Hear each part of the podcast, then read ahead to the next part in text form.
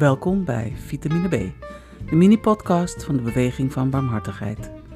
In Vitamine B vertellen gasten kort wat barmhartigheid voor hen betekent. Dit keer Bastegaai Fortman, bekend als progressief politicus en hoogleraar Political Economy of Human Rights.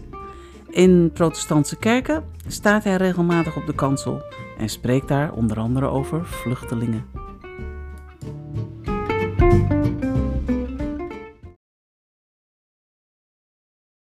Barmhartigheid en vluchtelingen. Dat is het thema in een bijzondere tijd. Bijzonder omdat vandaag de vluchtelingen midden onder ons wonen we hen kunnen zien en spreken en opzoeken en niet uh, ver weggestopt in haast onbereikbare asielzoekerscentra. Bijzonder dus. En het zijn mensen uit de Oekraïne. En die mensen uit de Oekraïne, daarmee hebben we ons eigenlijk vanaf het begin al sterk verbonden gevoeld. Op een dagreis hier vandaan en slachtoffers van een verschrikkelijke invasie. We leven mee en dat vermogen tot meeleven en dat meedoen, dat noemen we mededogen. Haast een verouderd woord, maar ik wilde het vandaag centraal stellen. Mededogen, compassie vanuit het Engels, empathie vanuit het Frans en het voorportaal van medelijden. En met medelijden volgt, op medelijden volgt de barmhartigheid. Dat is dus wat ons nu bezighoudt. Mededogen met de medemens die onze zorg en aandacht nodig heeft. Om dat te verduidelijken, even dat bekende verhaal van de barmhartige Samaritaan. Er ligt op de weg een slachtoffer van een roofoverval. Kan zich niet meer bewegen.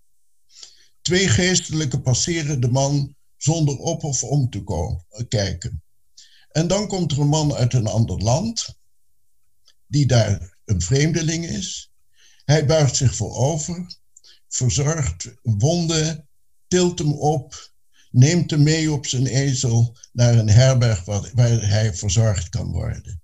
Dat begon met compassie, met mededogen, meegevoel met degene die daar leed. Uh, dat is waar het in het Europese vluchtelingenbeleid totaal aan ontbreekt. Een inlevingsvermogen in mensen die leven zonder geld om van rond te komen, soms meer, minder dan een honderdste van wat wij in de maand te besteden hebben. En die leven in onveiligheid. Die in Europa zelfs nog niet een mogelijkheid kunnen vinden om zich aan te melden als iemand die met bepaalde uh, gave capaciteiten hier toelating zoekt. Mededogen ontbreekt daar. Bij het proces voor de afzetting van de vorige president van Amerika beëindigde de aanklager zijn speech met de woorden Right matters. Recht doet ertoe.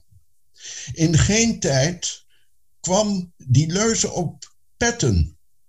Petten met right matters. En daarna ook petten met truth matters. De waarheid doet ertoe. En zelfs petten met decency matters. Fatsoen doet ertoe. Je kunt het in dit land nauwelijks meer zeggen.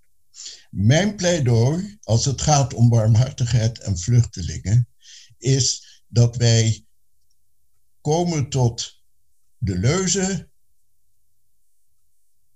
barmhartigheid, mededogen, doet ertoe. Compassie doet ertoe.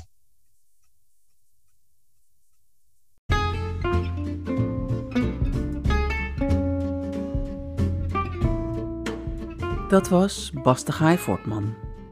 Luister meer vitamines op barmhartigheid.nl en abonneer je op deze mini-podcast. Gun jezelf regelmatig de oppepper van vitamine B. Je leest ook op barmhartigheid.nl meer over het gratis abonneren.